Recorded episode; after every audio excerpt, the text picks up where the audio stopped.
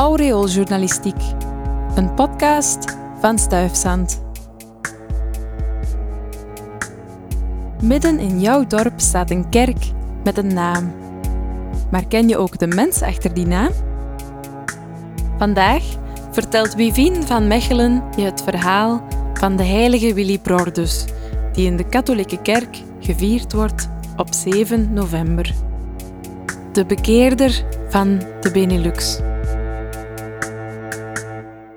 Wel eens van de processie van Echternach gehoord? Drie stappen vooruit en twee stappen achteruit, wordt er gezegd. Eigenlijk was er maar één tegendraads groepje dat zo door de processie danste. Maar daardoor heeft de processie van Echternach het wel tot een veelgebruikte uitdrukking geschopt. De dansprocessie van Echternach wordt gehouden om de heilige Willibrordus te vieren, die de abdij van Echternach gesticht heeft en daar ook begraven is. Willibrordus wordt de apostel van de Benelux genoemd.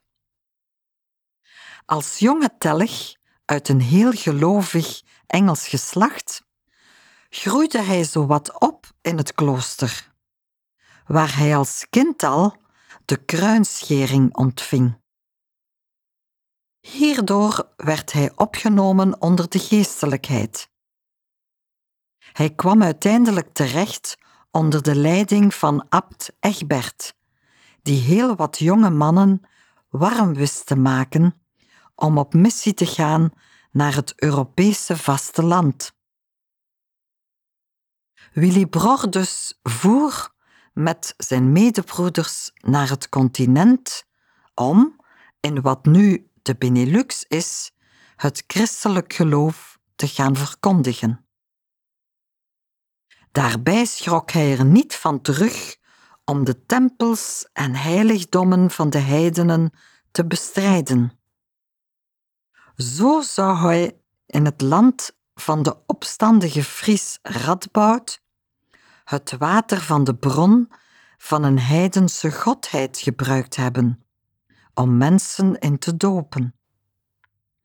De koeien van diens heiligdom liet hij slachten voor het doopfeest.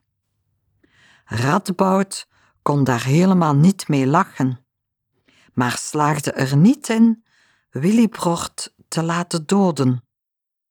En hij had stiekem ook wel bewondering voor diens onverschrokkenheid. Willibrordus kreeg later wel een koekje van eigen deeg toen Radboud uiteindelijk in een groter gebied aan de macht kwam. Hij vernietigde alle kerkjes die Willibrordus en zijn metgezellen gebouwd hadden. En er werden zelfs priesters gedood. Onder het nieuwe regime, na het verslaan van Radboud door Karel Martel, werden de kerken wel heropgebouwd. Willibrordus verspreidde het christelijk geloof in een groot deel van de Nederlandse kuststreek en hij werd ook bisschop van Utrecht. In Mol-Ezaert staat de Sint-Willibrorduskerk en ook in Balen-Olmen is al sinds de middeleeuwen een kerk aan hem gewijd. Van kind in het klooster tot apostel van de Benelux. Willibrordus groeide uit tot een invloedrijke figuur. Een lange reeks wonderverhalen getuigt van zijn avontuurlijke leven in dienst van zijn God. Niet voor niets is de meest gangbare katholieke Bijbelvertaling de Willibrord-Bijbel.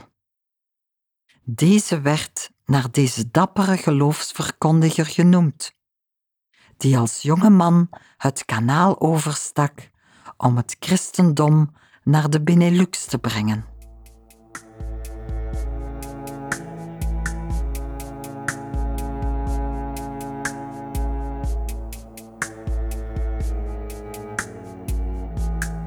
Dit was een podcast van Stuifzand en de klassen Woord en Audio Engineering van de Geelse Academie voor Muziek, Woordkunst, Drama en Dans, met steun van de Vlaamse overheid. Heb je nog vragen, suggesties of opmerkingen? Laat het ons weten op info.stuifzand.be. Dankjewel voor het luisteren.